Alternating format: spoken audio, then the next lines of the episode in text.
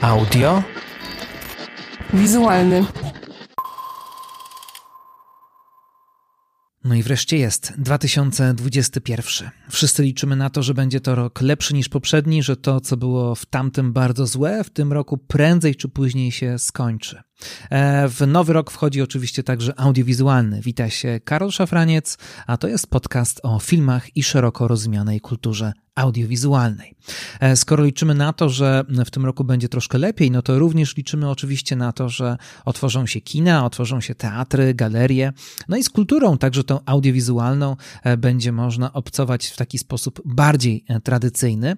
No i też wtedy prawdopodobnie audiowizualny będzie bliżej jego pierwotnych założeń, gdzie miał to być podcast właśnie o poszerzaniu i komentowaniu e, tego, co możemy sobie mm, obejrzeć e, w różnych ciekawych miejscach, a potem dopiero możemy o tym posłuchać w internecie.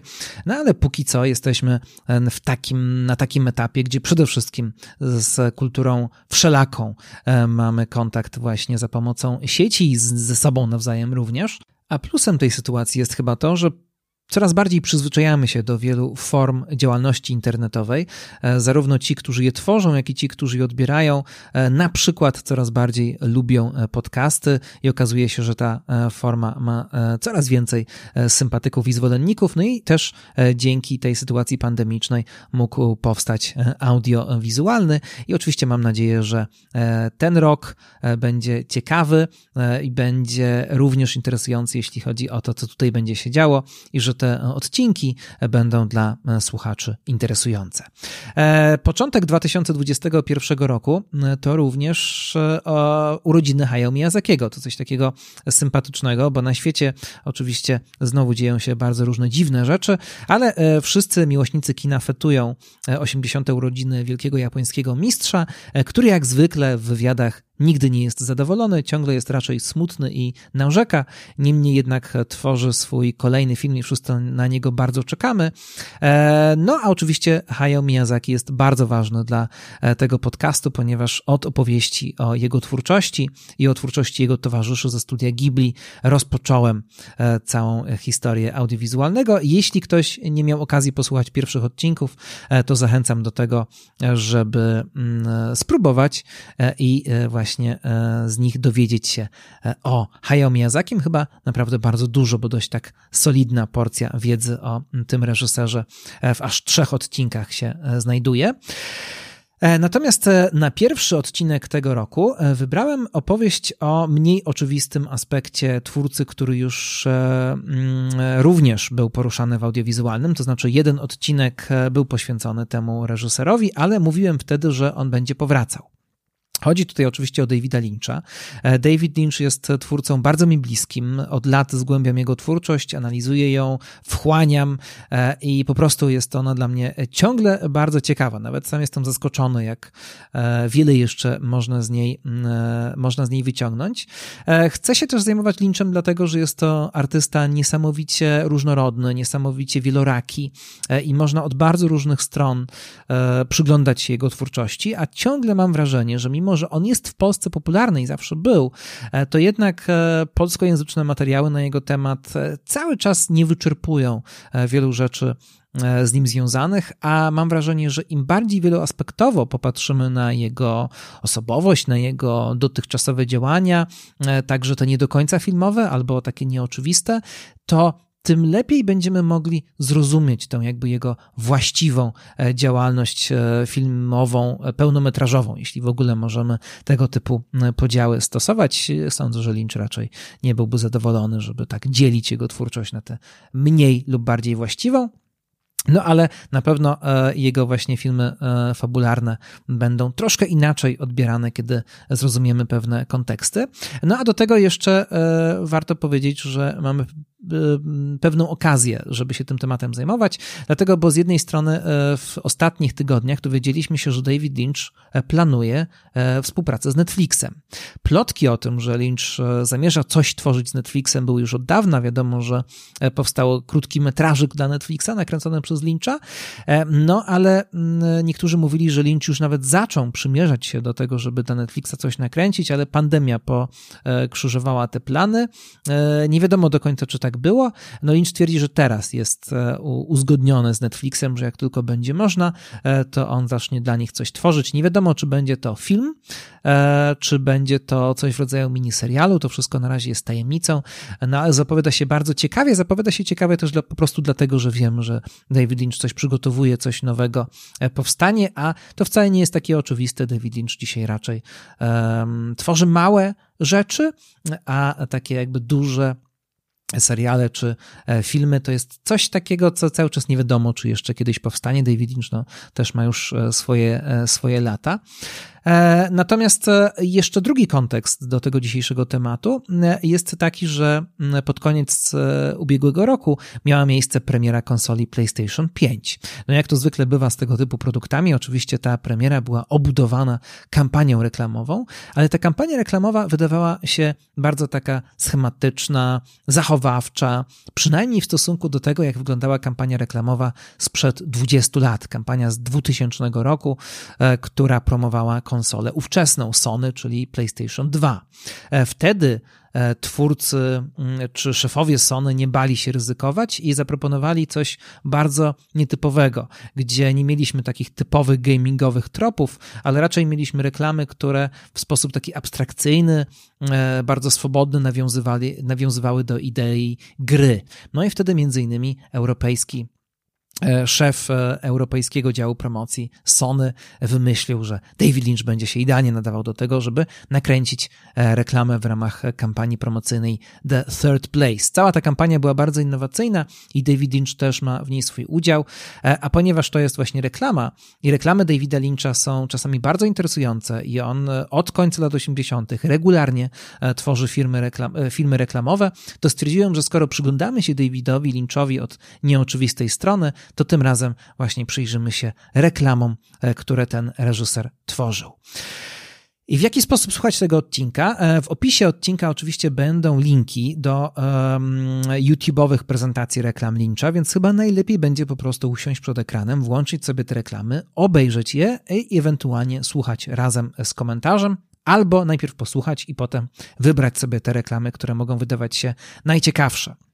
E, naprawdę mam wrażenie, że e, jest to temat niezwykle interesujący. Rzadko chyba tak zajmujemy się e, reklamami, które tworzą zdani filmowcy. W ogóle temat reklam to jest temat budzący sporo ambiwalentnych uczuć.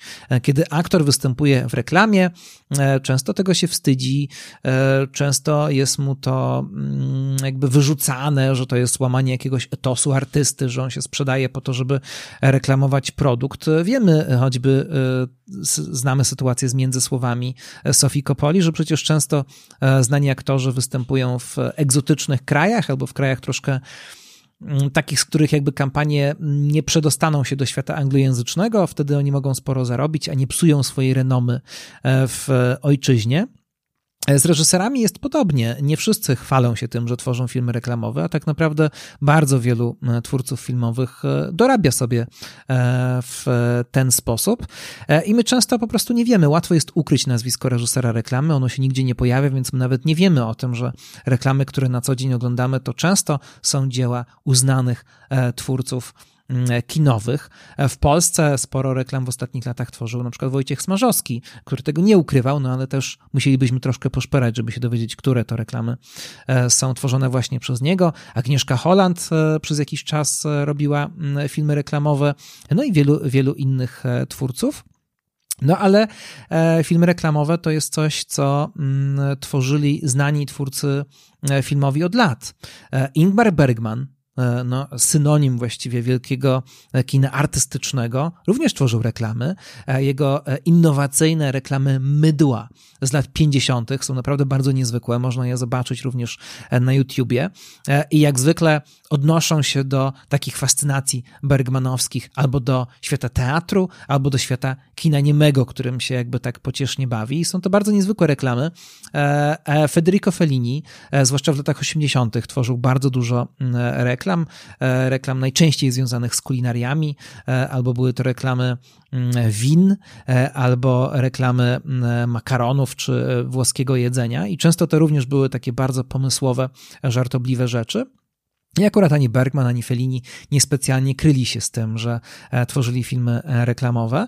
No i podobnie jest z Davidem Lynchem, który, jak sam mówi, zaczął tworzyć reklamy z powodów finansowych e, i zawsze tak naprawdę, no, przede wszystkim z tych powodów je tworzy, ale traktuje jako, z jednej strony je jako rodzaj zabawy, z drugiej strony jako pewną formę ćwiczenia, ale też, jak się okazuje, tworzenie reklam często daje nowe znajomości, e, sprawia, że można nawiązać nowe kontakty, które potem przekładają się realnie na e, tę jakby tą właśnie główną czy właściwą karierę filmową. Poza tym jestem zdania, że zawsze warto przyglądać się w przypadku filmowców ich tej działalności pobocznej. Zawsze warto przyglądać się teledyskom, reklamom, krótkim metrażom, jakimś filmom promocyjnym czy filmom społecznym które tworzą twórcy uznani, dlatego że to nam bardzo wiele o nich mówi.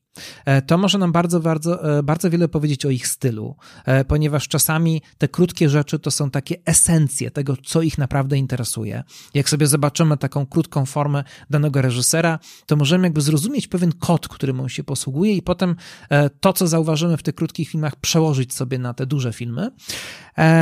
Czasami bywa tak, że w krótkich formach twórcy tworzą taki szkicownik i próbują, eksperymentują z pewnymi rzeczami, które potem będą wykorzystywać e, w swojej e, tej głównej kinowej działalności, a czasami traktują e, reklamę, czy teledyski, czy krótkie formy jako rodzaj odskoczni, jako rodzaj takiego świata, w którym mogą być na chwilę kimś zupełnie innym.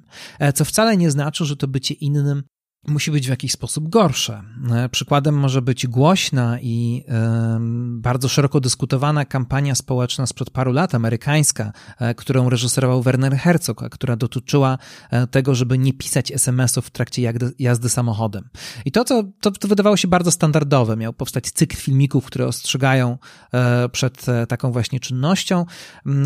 Zlecone to zostało przez komercyjną firmę, ale ostatecznie zamieniło się w cykl niesamowicie poruszający poruszających krótkich filmów dokumentalnych, e, w których Werner Herzog rozmawia z ofiarami e, i ze sprawcami e, tego typu wypadków drogowych. To właściwie takie pełnoprawne, znakomite, króciutkie, robiące ogromne wrażenie dokumenty, które jednocześnie właśnie są czymś zupełnie innym niż to, co Werner Herzog robi na co dzień. Warto w tym momencie wspomnieć, że oczywiście są też tacy twórcy, którzy przede wszystkim zbudowali swoje nazwisko na e, reklamach i na krótkich filmach telewizyjnych czy promocyjnych i dopiero dzięki temu trafili do kina.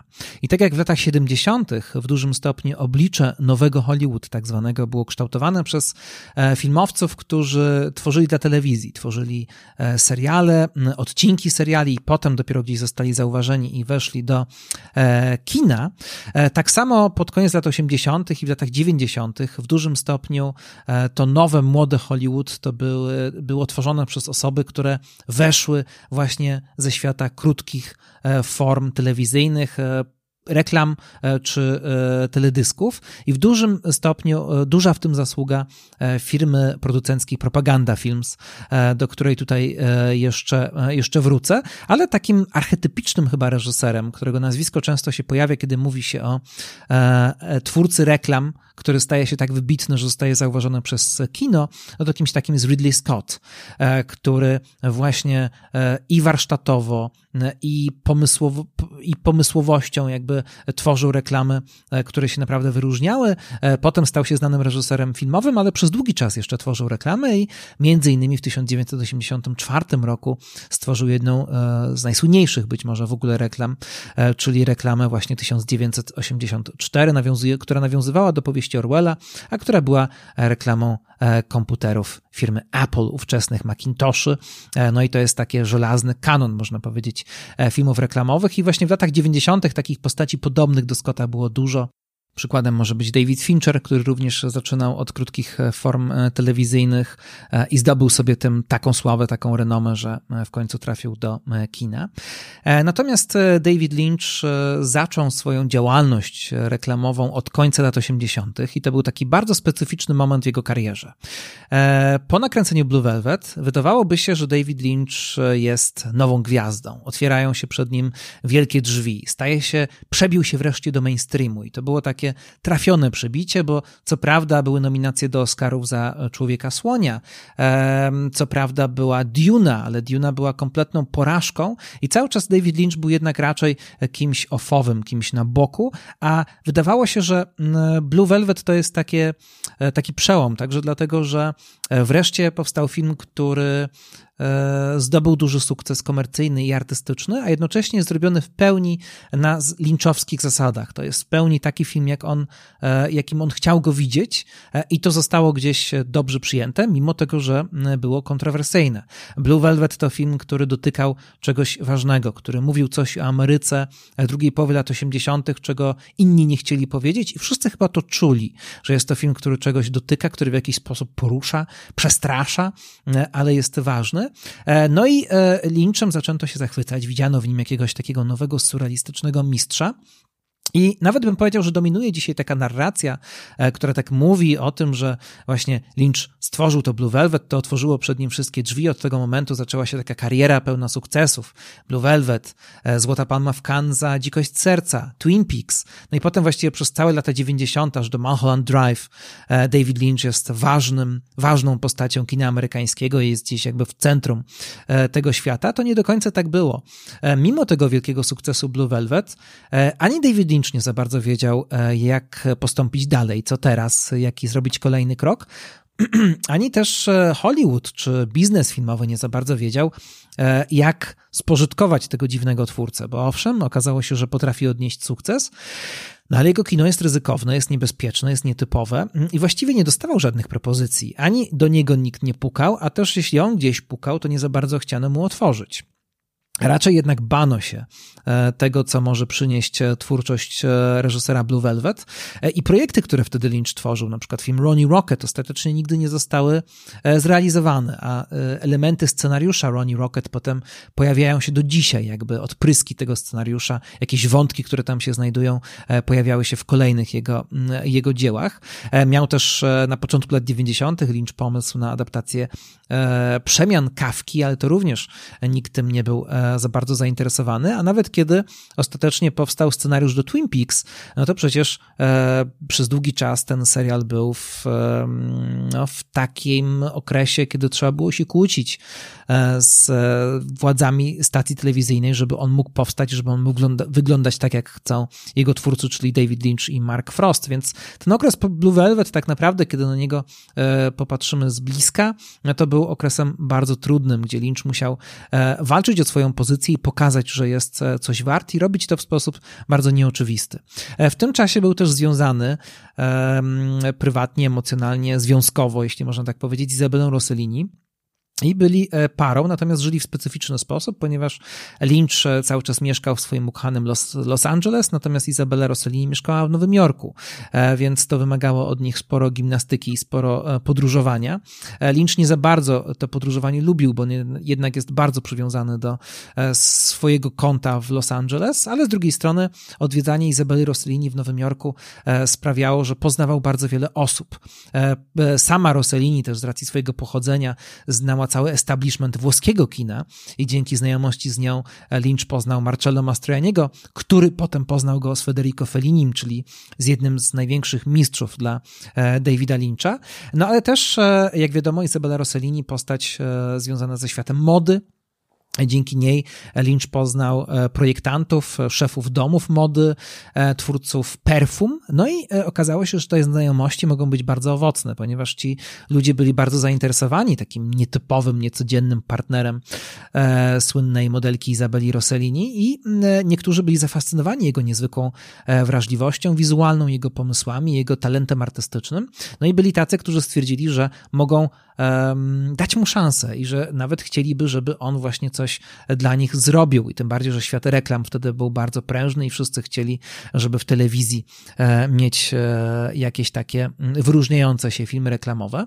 E, w dodatku, w tym właśnie czasie David Lynch poznał Monty Montgomery'ego, człowieka, który współpracował z, na etapie i wczesnych filmów z Catherine Bigelow, który był też producentem e, i reżyserem e, filmowym, ale człowiekiem, który był właśnie otwarty na nowe nazwiska i który miał znajomości w firmie Propaganda Films. Propaganda Films, której Monty Montgomery nie był członkiem, ale stałym współpracownikiem, to bardzo niezwykła firma, która została założona w drugiej połowie lat 80. przez dwóch producentów, jednego o islandzkim pochodzeniu, drugiego Amerykanina. Obydwaj związani byli z American Film Institute. I, I oni widząc, co się dzieje, eksplozja telewizji, eksplozja MTV i estetyki MTV, która wydawała się być bardzo innowacyjna, e, postanowili e, założyć firmę, która e, będzie jakby działać dwutorowo, to znaczy będzie unowocześniać świat teledysków i świat reklamy w taki sposób, żeby te dwa środowiska się od siebie czegoś uczyły. Świat teledysków miał się uczyć ze świata reklam przede wszystkim modelu biznesowego, profesjonalizacji. Natomiast świat reklam Miał się uczyć od teledysków innowacyjności, e, ciekawego języka filmowego. Twórcy Propaganda Films mieli wrażenie, że reklama to jest coś straszliwie topornego, straszliwie nudnego. E, to jest coś takiego, co nie jest kreatywne i co po prostu prezentuje produkt. Natomiast teledysk, który też de facto jest przecież reklamą płyty czy reklamą piosenki, jest krótki, e, ale jest innowacyjny i że właśnie te dwa środowiska można w jakiś sposób ze sobą połączyć. No i Propaganda Films e, stali się bardzo ważną firmą, która w dużym stopniu zdominowała rynek reklamowo-teledyskowy lat 90. I to w dużym stopniu dzięki Propaganda Films mamy znakomite znakomite teledyski z tej epoki. E, David Fincher, e, Mark Romanek, e, Michel Gondry, Spike Jones, to wszystko osoby, które właśnie wyrastały jakby z tej stajni propaganda films, a potem za, część z nich zaczęła tworzyć filmy pełnometrażowe. Natomiast David Lynch e, był pod koniec lat 80. w komfortowej sytuacji, bo miał zleceniodawców, e, czyli właśnie projektantów, e, twórców perfum. Szczególnie perfumy stały się takim, takim elementem, który Lynch bardzo lubi reklamować. Może dlatego, że zapach jest czymś bardzo nieokreślonym i trzeba się troszkę wysilić filmowo e, i poprzez nastrój oddać zapach, a wiadomo, że nastrój to jest, co, to jest coś, e, w czym Lynch jest dobry, zmysłowość to jest coś, co też jest jego mocną stroną. E, no i być może właśnie stąd to takie porozumienie między nim a właśnie twórcami zapachów i perfum. Natomiast, więc z jednej strony miał tych zleceniodawców, a z drugiej strony poprzez wejścia w propaganda films miał osoby, które od strony producenckiej e, są w stanie mm, e, dać mu zaplecze. E, I dzięki temu właśnie przy tej współpracy Lynch mógł zacząć tworzyć swoje reklamy i ta znajomość z Montgomerym przełożyła się potem, przemieniła się potem w długotrwającą przyjaźń, a Propaganda Films to firma, która stała się również współproducentem Dzikości Serca i miała też swój niewielki producencki udział w tworzeniu miasteczka Twin Peaks, więc jak widać faktycznie te reklamy stały się też potem zalążkiem czegoś nowego. No ale przechodzimy już do e, omawiania tych konkretnych reklam. Oczywiście nie umówię wszystkich, ale kilka najważniejszych, takich najbardziej interesujących albo najbardziej dziwnych, które Lynch tworzył. E, zaczynamy od 88 e, roku e, i od oczywiście reklam perfum. Tak jak mówiłem, Opium dla Yves Saint Laurent to taka reklama, która w dużym stopniu pokazuje chyba to, tą estetykę, której Lynch będzie się w dużym stopniu trzymał, kiedy będzie tworzył filmiki pokazujące perfumy, czyli taka estetyka wyższej klasy, taka estetyka blichtru i pewnego szyku, czasami na granicy kiczu, a czasami troszkę ten kicz e, przekraczająca i wydaje mi się, że akurat w tej reklamie Opium mamy jednak do czynienia z takim dziełem w sumie dość mocno e, kiczowatym, ale zakorzenionym w takiej linczowskiej nostalgii. Muzyka Angelo Badalamentiego e, budzi takie uczucia, które znamy z tych takich właśnie wzruszająco nostalgicznych fragmentów filmów Lyncha, ale tutaj jakby mamy do czynienia tylko z taką powierzchnią. Pozbywamy się tutaj pewnej jakiejś głębi, ale jakby wiemy już w jakiej estetyce Lynch będzie się poruszał, kiedy będzie właśnie dotykał tematu mody. Ale kiedy już mówimy o reklamach Obsession dla Calvina Kleina, od której właściwie mm, od tych reklam zaczęła się taka prawdziwa kariera reklamowa Davida Lyncha, to tu już mówimy o rzeczach bardzo znaczących, ponieważ po pierwsze są to reklamy bardzo udane i ciekawie się na nie patrzy również dzisiaj, chociaż e, no, z dzisiejszej perspektywy wydają się bardzo oczywiste, ale one też miały spore znaczenie dla całego ówczesnego rynku reklamowego.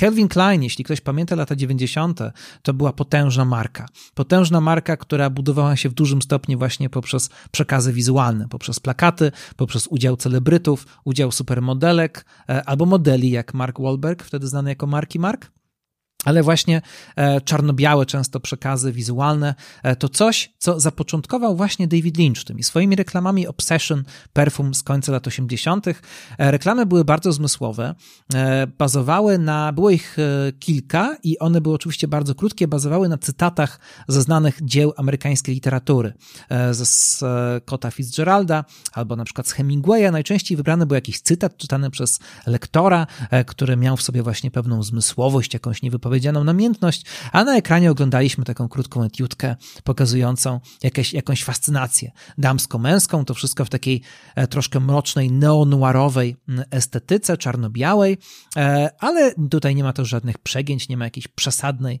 e, perwersji. Co ciekawe, w tych reklamach możemy zobaczyć młodych aktorów, którzy później będą mieli znaczenie e, w kinie lat 90. i nie tylko. E, z jednej strony występuje tam Heather Graham, którą potem Lynch zatrudni do drugiego sezonu miasteczka Twin Peaks, która zagra tę Annie, w której kocha się Dale Cooper, a potem pojawi się w Boogie Nights Paula Thomasa Andersona w roli, za którą dostanie sporo nagród. No i mamy też w tych reklamach młodziutkiego Benicio del Toro, który wtedy chyba jeszcze zupełnie nie był znanym aktorem, ale choćby z tego powodu warto do nich zajrzeć.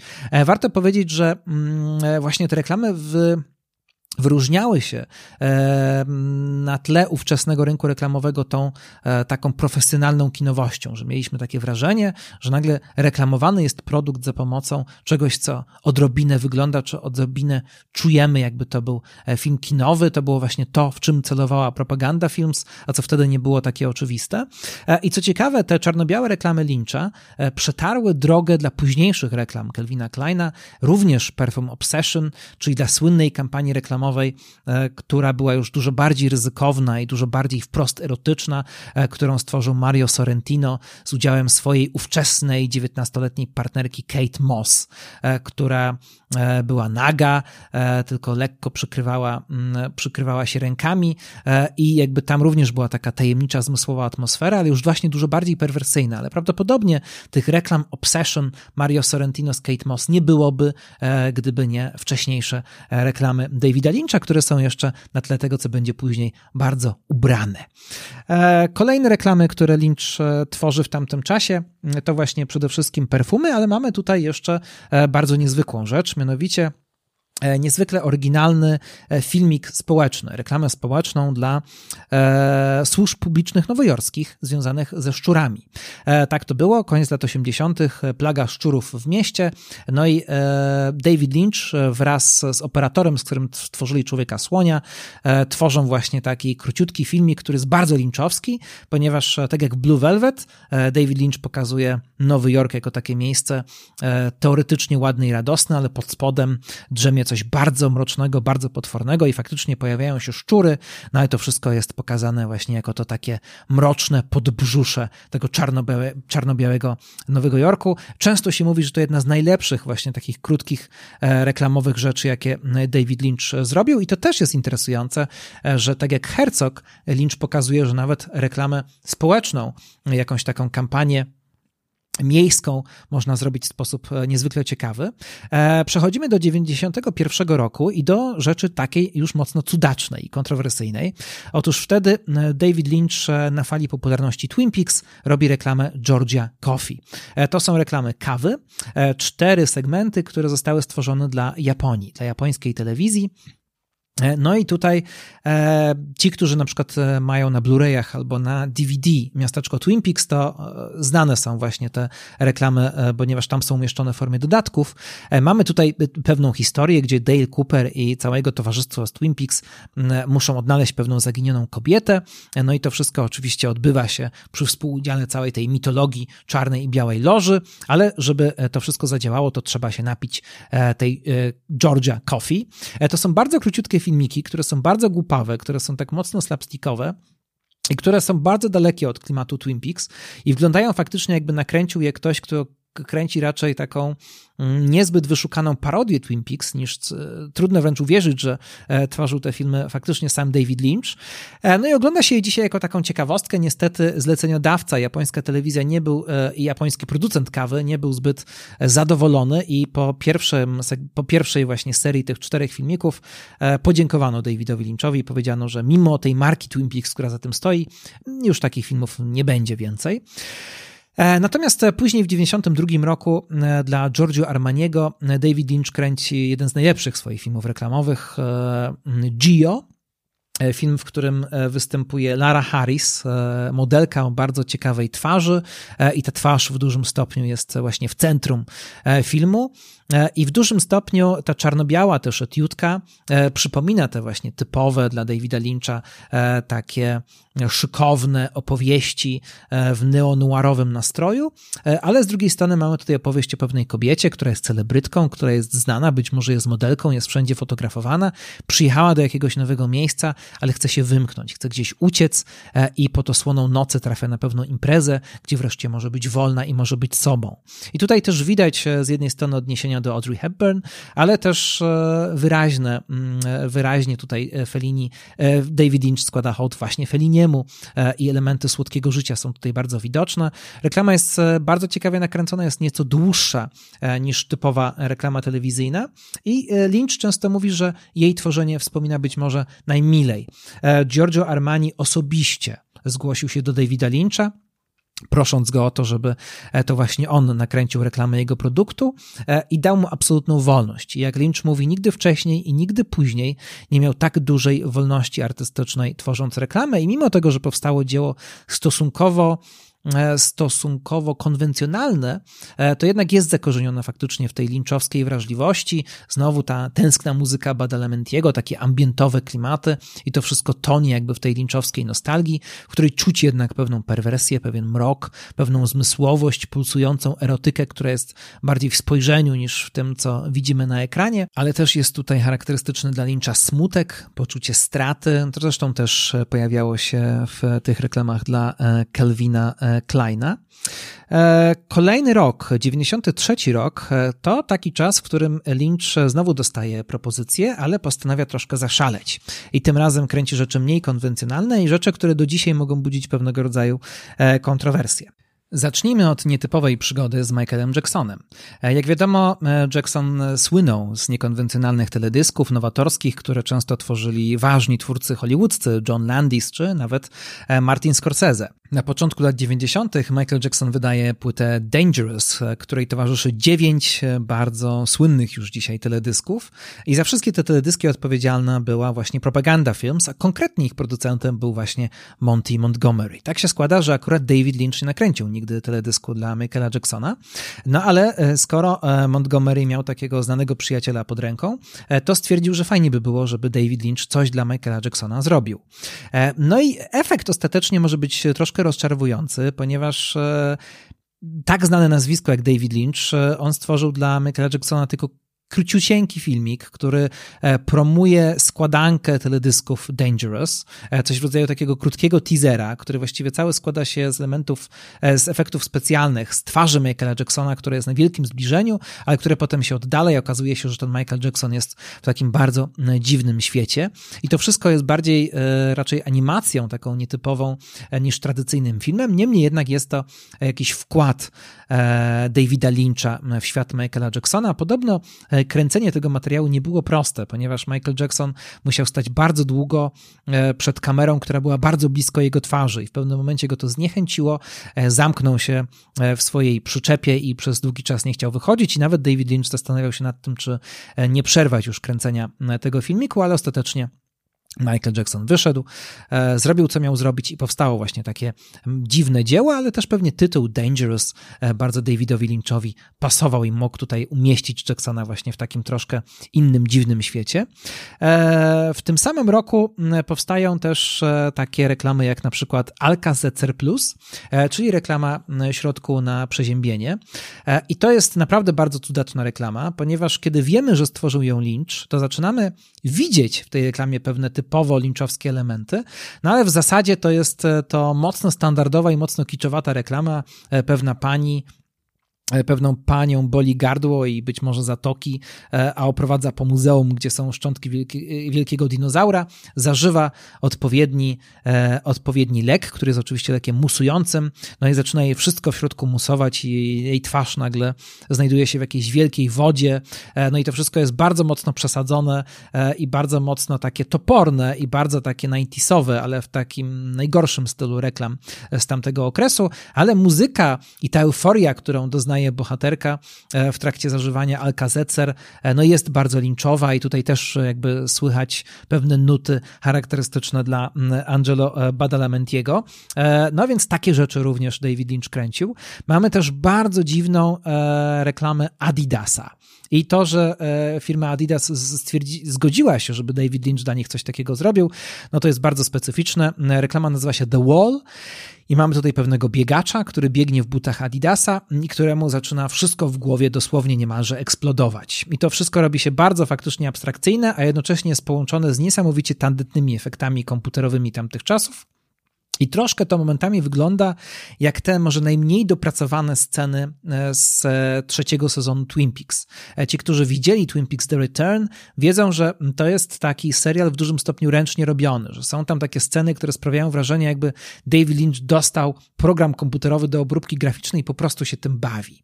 I jest to pewna nieskrępowana nieskrępowana zabawa prawdziwego artysty, który po prostu ma pewne narzędzie i może z nim robić co chce, ale w przypadku tej reklamy no, efekt jest dość osobliwy, dość specyficzny i zupełnie to nie przypomina na pewno typowej reklamy butów, więc jeśli chcemy oglądać coś bardzo odlotowego, to absolutnie reklamę The Wall Adidasa polecam. I również w tym samym E, w tym samym roku e, David Lynch tworzy reklamę dla e, firmy Barilla. I to jest też coś, co już zupełnie nie przypomina Lyncha. Bardzo standardowa, bardzo typowa reklama, taka niby śmieszna, kręcona we Włoszech, ale z Gerardem Depardieu w roli głównej, który to Gerard Depardieu jest sobie pewnym mężczyzną siedzącym pod parasolkami przy restauracji, no i który pomaga różnym ludziom, przede wszystkim małej dziewczynce obok, którym dzieje się coś złego, dając im po prostu dobry dobry makaron. E, reklama, która właściwie mogła być nakręcona przez każdego. E, natomiast e, efekt końcowy właśnie jest taki zupełnie prozaiczny, a wręcz niesamowite, jakie nazwiska pracowały przy tej reklamie. No bo oczywiście Gerard Depardieu w roli głównej, David Lynch reżyseruje, a operatorem w tej reklamie jest sam Tonino Deli Colli, jeden z najwybitniejszych włoskich operatorów tamtego czasu, e, człowiek, który współpracował z Fellinim przy jego ostatnich filmach e, i który przede wszystkim jest, e, był nadwornym operatorem Sergio Leone. Dobry, zły i brzydki, pewnego razu na Dzikim Zachodzie, dawno temu w Ameryce, tak niesamowicie pięknie sfotografowane filmy, to wszystko właśnie zasługa tego operatora i tego tutaj zupełnie nie widzimy. Natomiast zaplecze e, tworzenia tej reklamy jest ciekawsze niż ona sama, e, ponieważ e, film był kręcony we Włoszech i właśnie Tonino Delicoli był operatorem. Fellini, tak ukochany dla Lyncha reżyser, urodzili się, mieli tą samą datę urodzin, urodzili się tego samego dnia, tego samego miesiąca i to dla Lyncha było bardzo przejmujące, a dla Felliniego też miało znaczenie, bo Fellini wierzył w magię liczb i tego typu symbolizm. W tym czasie, kiedy kręcono tę reklamę, Fellini był już w bardzo ciężkim stanie, właściwie był umierający w szpitalu, jeździł na na wózku inwalidzkim, miał trudności z mową e, i to Nino Delicoli postanowił, że panowie powinni się spotkać, że tak oddany uczeń Feliniego powinien mieć możliwość jeszcze zobaczenia go i wybrali się do szpitala i w tym szpitalu e, do sali, gdzie przebywał Felini weszli tylko właśnie operator i David Lynch e, i sam Lynch zawsze mówi, że była to jedna z bardziej przejmujących rzeczy w jego życiu, że mógł odwiedzić jeszcze Feliniego dosłownie chwilę przed tym, kiedy ten umarł. E, więc e, taka właśnie też historia e, związana z reklamą makaronów. E, kolejne lata to między innymi bardzo, bardzo taka też toporna i przaśna reklama dla Karla Lagerfelda, również reklama, mm, e, również reklama Perfum Sun Moon Stars, e, którą w internecie możemy zobaczyć po niemiecku, co tylko wzmaga jeszcze efekt groteski. Natomiast później kilkuletnia przerwa, Lynch kręci kolejne filmy, między innymi kręci Zagubioną, Zagubioną autostradę i po tym filmie chyba poczuł się troszkę pewniej, bo kolejne reklamy, które tworzył były w dużym stopniu takie bardziej stylowe i bardziej dopracowane artystycznie. I w 97 roku mm, e, pojawia się reklama testu ciążowego. I to bardzo specyficzna sprawa, ponieważ wydaje się, że to jest temat bardzo odległy od Lyncha i powstaje rzecz w sumie dość konwencjonalna, ale trzymająca w napięciu. Mamy tutaj kobietę, która E, w takim czarno-białym świecie, która jest pełna napięcia, która patrzy na swój zegarek. Ten zegarek zamienia się e, w taką tarczę, gdzie mamy tylko napisy yes, no, yes, no, ponieważ ona cały czas żyje w e, takiej niepewności, czy jest w ciąży, czy nie. No i w końcu robi sobie ten test i to wszystko jest bardzo krótkie. Mało tutaj może jest widoczna ręka Lyncha, ale jest to bardzo stylowe. I dwie ciekawostki związane z kręceniem tej reklamy. Jedna taka, że twórcy tego testu, E, czyli filma Clear Blue Easy, bardzo obawiali się tego, że to właśnie David Lynch zabiera się za ten temat. E, przez cały czas e, uważali, że to nie jest może najlepszy pomysł. Podobno szef tej firmy nie mógł spać, dopóki nie zobaczył reklamy. Bał się, że Lynch właśnie wyskoczy z czymś odlotowym, z czymś bardzo nietypowym, natomiast Lynch bardzo się tym przejął i chciał zrobić naprawdę takie dzieło, które sprawi, że zleceniodawcy będą zadowoleni i że nie będzie tam żadnych dziwactw, natomiast pozwolił sobie na pewne dziwactwa nie w samej formie reklamy i w tym, jak ona ostatecznie wygląda, ale w tym, jak ją kręcił. Otóż postanowił, że trzeba troszkę wprawić aktorkę, jeśli można tak powiedzieć, e, w odpowiedni nastrój. No i oto mieliśmy kobietę, która dobrze wie o tym, że nie jest w ciąży, ale ona miała oczywiście zagrać to, że sobie ten test robi. David Lynch poprosił ją o to, żeby ona sobie ten test zrobiła naprawdę. E, w tym czasie e, test zrobiła też inna kobieta z ekipy, która kręciła reklamę, która była w ciąży naprawdę. I podczas kręcenia reklamy David Lynch podmienił te testy i aktorka w momencie, kiedy kręcono reklamę, zobaczyła test pozytywny, mimo tego, że nie miała prawa być wtedy w ciąży. No i David Lynch to właśnie nakręcił. Tego może za bardzo nie widać, ale E, taka ciekawostka pokazuje, że nawet do takich małych detali e, David Lynch przywiązuje wagę i próbuje e, pewne rzeczy robić po swojemu. Zostańmy jeszcze na chwilę w 97 roku, dlatego że Lynch kręci wtedy serię czterech króciusieńkich reklam dla Sci-Fi Channel, czyli dla kanału, który istniał od początku lat 90. i który prezentował filmy science fiction. Dlatego, że te cztery rzeczy, Aunt Droid, Nuclear Winter, Dead Leaves i Kitty Ride to jedne z najlepszych E, reklam, jakie Lynch nakręcił w ogóle. Znakomita kampania, e, cztery krótkie filmiki, z których każdy jest bardzo pomysłowy i bardzo dobrze nakręcony. E, między innymi jest oparty na takim bardzo skrótowym pomyśle, co się świetnie sprawdza właśnie w takich formach. Aunt Droid, ciotka Droid, czyli mamy pewną kobietę, która sobie sprząta i pewne pytania dotyczące o tym, kim właściwie ona jest, bo oczywiście, jak tytuł sugeruje, pewnie nie jest człowiekiem. Natomiast nuklearna zima to dosłownie dwa ujęcia, e, ale bardzo przejmujące, bardzo sugestywne, e, które jakby no pokazują to, e, z czym wiąże się tytuł tej reklamy. Idealnie to pasuje do właśnie Sci-Fi Channel. Mamy też opowieść o Kiddie Wright, o pewnym chłopcu, który widzi pewną zabawkę, samolot czy taki pojazd kosmiczny i marzy o tym, żeby polecieć na Jowisza, a to wszystko przy akompaniamencie muzyki Wagnera, która akurat wybrano taki fragment, który pewną taką mocno patetyczną nostalgicznością kojarzy się troszkę z twórczością Angelo e, Badalamentiego. E, to właśnie w 1997 roku. E, no i tak jak mówiłem, e, Lynch faktycznie czuje się coraz pewniej. Uważany jest właściwie już za klasyka, za taką postać powszechnie cenioną, więc może się troszkę bardziej pobawić. W 1998 roku znowu kręci reklamę dla perfum Opium dla Yves Saint Laurent, ale przede wszystkim, i to kolejna reklama, którą naprawdę polecam, żeby zobaczyć, kręci kompletnie odlotową kampanię dla Parisian, dla Parisian People, reklamę papierosów. E, Parisian Cigarettes e, to rzecz, która jest totalnie awangardowa, która jest nakręcona w dużym stopniu od tyłu, a takie eksperymenty z kręceniem od tyłu to jest coś, co Lynch lubi od czasów Twin Peaks. Mamy tutaj historię jakichś bardzo dziwnych ludzi, e, którzy wzniecają chyba pożar na jakiejś e, stacji benzynowej, a tak naprawdę oczywiście chodzi o papierosy.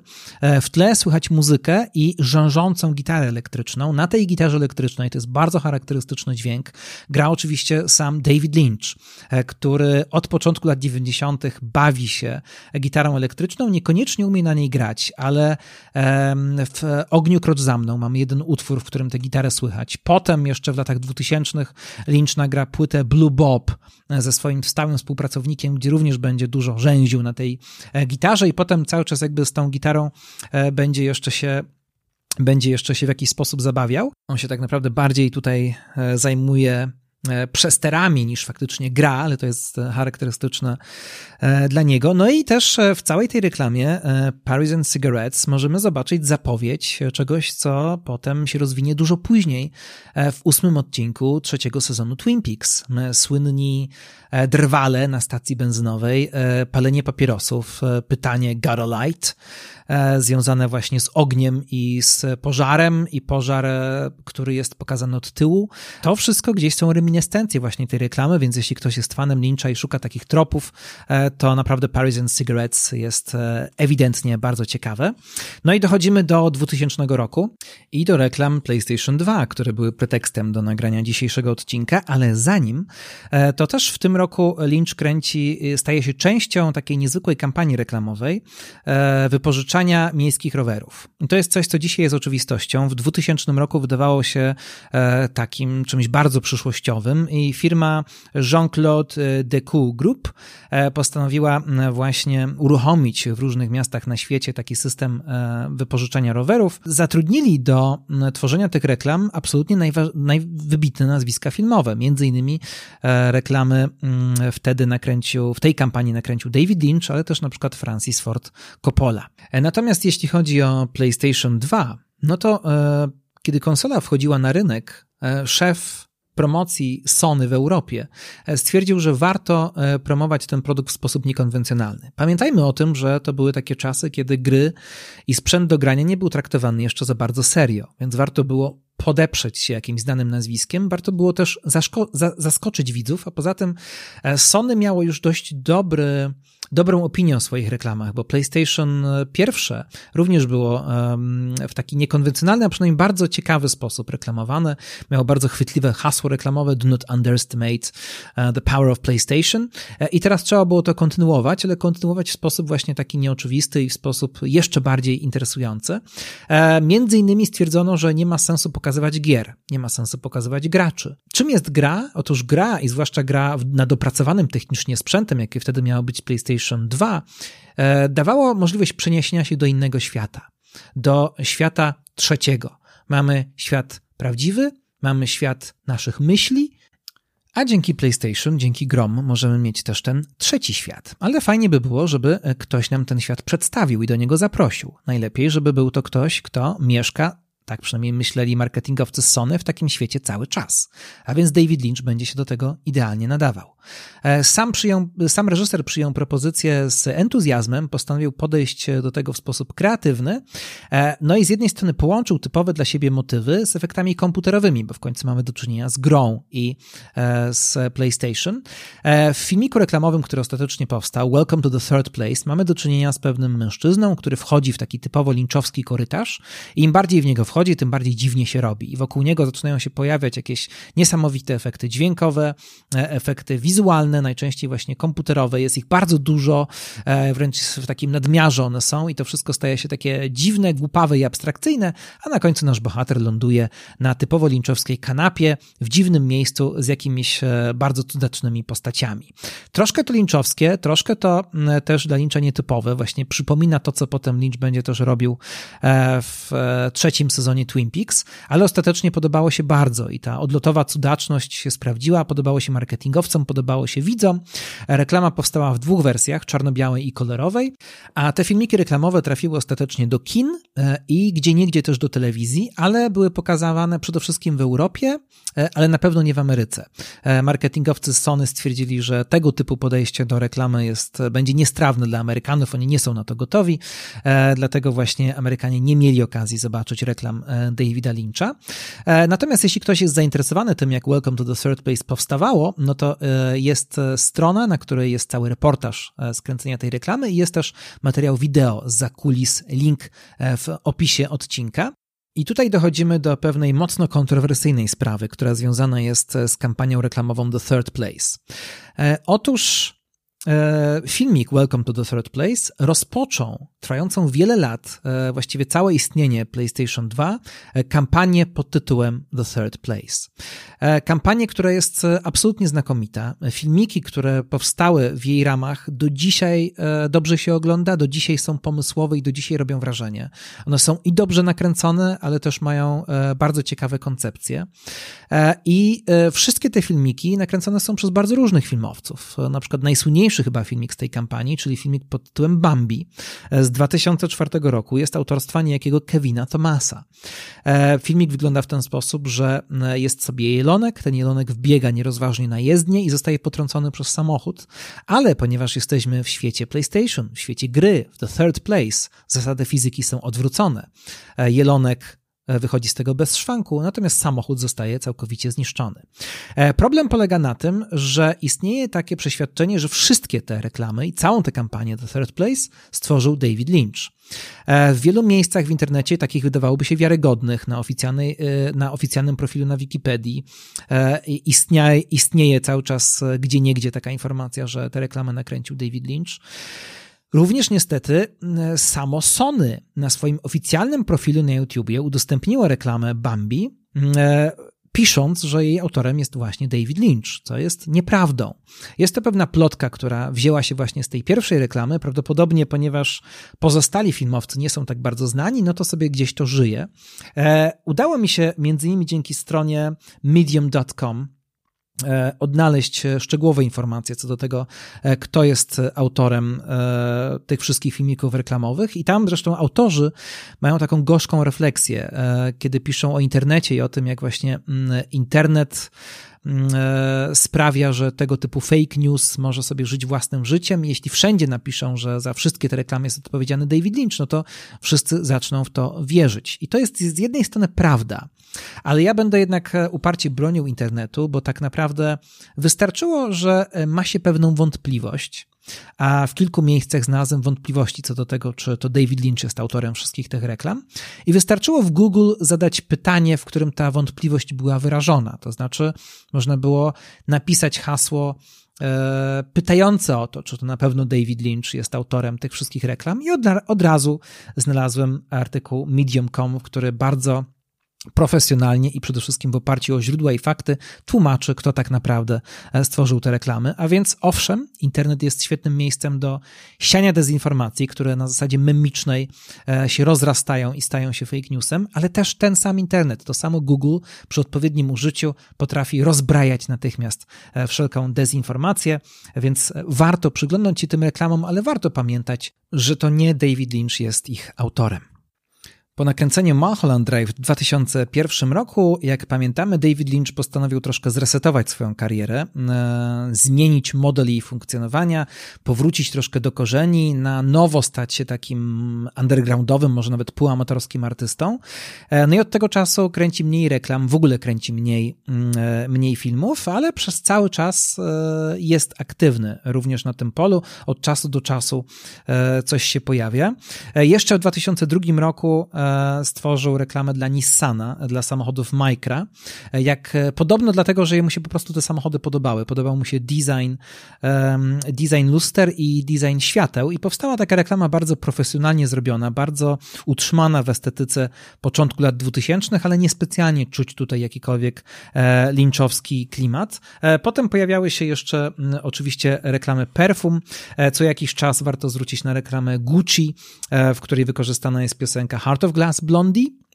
Albo reklama, e, warto zwrócić e, uwagę na reklamę z 2010 roku e, Diora Lady Blue Shanghai, w której główną rolę gra Marion Cotillard i to jest właściwie taki krótkometrażowy film do umiejscawiania już przede wszystkim w internecie. To już te czasy nastały. E, mamy tutaj e, opowieść o kobiecie, która przyjechała do Szanghaju i która w tym Szanghaju przeżyła mm, jakąś chyba historię miłosną i to wszystko jest bardzo tajemnicze, e, oczywiście przesycone pewnym takim niewypowiedzianym erotyzmem. Przychodzą jacyś ludzie, którzy prowadzą śledztwo, chcą się czegoś dowiedzieć i zostaje tylko tej kobiecie, Marion Cotillard, tylko mała pamiątka po tym egzotycznym romansie. I to wszystko oczywiście pełne takiej typowej linczowskiej tajemnicy, dość można powiedzieć stereotypowa dla Lyncha E, reklama. Co ją natomiast wyróżnia na tle wcześniejszych, to fakt, że podobnie jak Inland Empire była nakręcona e, kamerą niskiej rozdzielczości, więc wygląda z dzisiejszej perspektywy estetycznie może nie najlepiej, ale na pewno klimacik ma. E, poza tym jeszcze można zwrócić uwagę na Louboutin Rouge, czyli lakier do paznokci tym razem, nie nie perfumy firmy Louboutin, no i warto też zwrócić uwagę na e, troszkę mniej typową reklamę, bo nie filmową, czyli reklamę butelki Dom Perignon. E, otóż e, David Lynch, ponieważ mało kręci w ostatnich latach, ma czasami problemy finansowe, co może nam się wydawać dość mało prawdopodobne. Lynch zatrudnia pewną grupę ludzi, utrzymuje swoje studio w Los Angeles, wydaje dużo pieniędzy na swoją fundację na rzecz medytacji transcendentalnej i w sytuacji, kiedy właśnie niewiele kręci, to tak naprawdę nie ma zawsze, nie zawsze ma pieniądze na to, żeby utrzymać na przykład wszystkich swoich pracowników i wtedy musi sięgać po jakąś pomoc. I kiedy był czas, e, gdy kręcono trzeci sezon Twin Peaks, kiedy Lynch odmówił początkowo właśnie dlatego, że były kiepskie warunki finansowe i on wiedział, że nie będzie mógł tego serialu zrobić tak, jak sobie go wymarzył, no to wtedy, żeby jakoś podreperować budżet, zaprojektował, bo David Lynch jest również projektantem, designerem, tworzy na przykład meble, tworzy kubki, tworzy naczynia, zaprojektował e, butelkę do alkoholu Dom Perignon. I z tą butelką występował na zdjęciach promocyjnych i dało mu to podobno dodatkowy rok utrzymania się i to pozwoliło na, e, na to, żeby nie desperacko negocjować lepsze warunki przy kręceniu e, trzeciego sezonu Twin Peaks.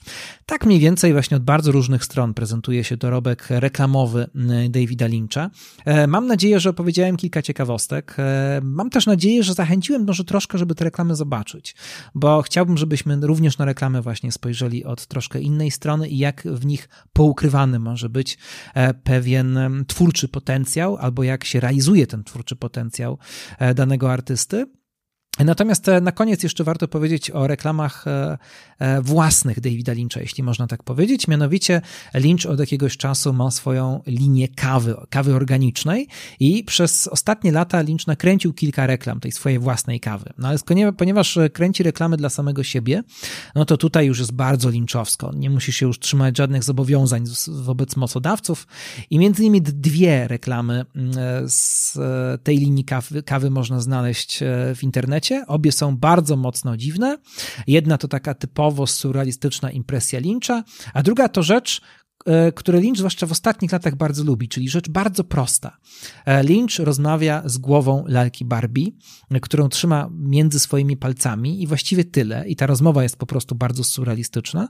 E, no ale to pokazuje, że właśnie tak naprawdę Lynch potrafi zrobić coś bardzo lynchowskiego, nawet bez muzyki, bez montażu i przy bardzo nikłym budżecie. Na koniec warto powiedzieć, że informacji o reklamach Davida Lyncha nie ma tak wiele w książkach mu poświęconych. Zazwyczaj książki mają charakter krytyczno-filmowy, filmoznawczy, analityczny i raczej e, ich twórcy zajmują się przede wszystkim jego filmami, artystycznymi, można powiedzieć, czy pełnometrażowymi, czy krótkometrażowymi, ale jednak e, nawet jeśli zajmują się teledyskami, to reklamy często e, są pomijane. Troszkę o reklamach Obsession między innymi David Lynch mówi w wywiadzie Rzece I See Myself. Sporo znalazłem w internecie, tak naprawdę jest troszkę artykułów, które są na temat reklam Lyncha. David Lynch Commercials Ad and Promos na stronie lynchnet.com, ale też właśnie kilka jest ciekawych artykułów między innymi na medium.com o tych nieporozumieniach związanych e, z reklamami Lyncha. No a oczywiście bardzo dużo informacji znajduje się też w książce Room to Dream, czyli w książce, której, o której mówiłem w poprzednim odcinku Lynchowym, e, czyli ta autobiografia na e, dwie ręce, którą David Lynch napisał razem z Christine McKinnon. Zachęcam do tego, żeby Lyncha badać i zachęcam oczywiście do tego, żeby słuchać kolejnych odcinków. Lynch powróci w audiowizualnym. W następnym odcinku o Lynchu, który będzie za czas jakiś, zajmiemy się dwoma serialami, które David Lynch nakręcił i które zostały opublikowane, ale które na pewno są dużo, dużo mniej znane niż Twin Peaks. E, to będzie za jakiś czas, a za tydzień e, kolejny odcinek znalezionych w sieci. Zajmiemy się troszkę filmami, które ostatnio pojawiły się w serwisach streamingowych, e, a warto troszkę jeszcze je omówić, może od troszkę innej strony niż zrobili to inni. Bardzo dziękuję za ten odcinek. Wszystkie informacje o audiowizualnym na Facebooku, na YouTubie, i oczywiście audiowizualnego można słuchać prawie wszędzie tam, gdzie można słuchać podcastów. Jeśli komuś się podobało, to proszę, żeby polecić e, znajomym, żeby followować na e, Facebooku profil e, audio łamany przez wizualny, a ja postaram się dostarczać jak najciekawszych treści w kolejnych odcinkach. Dziękuję bardzo, do usłyszenia.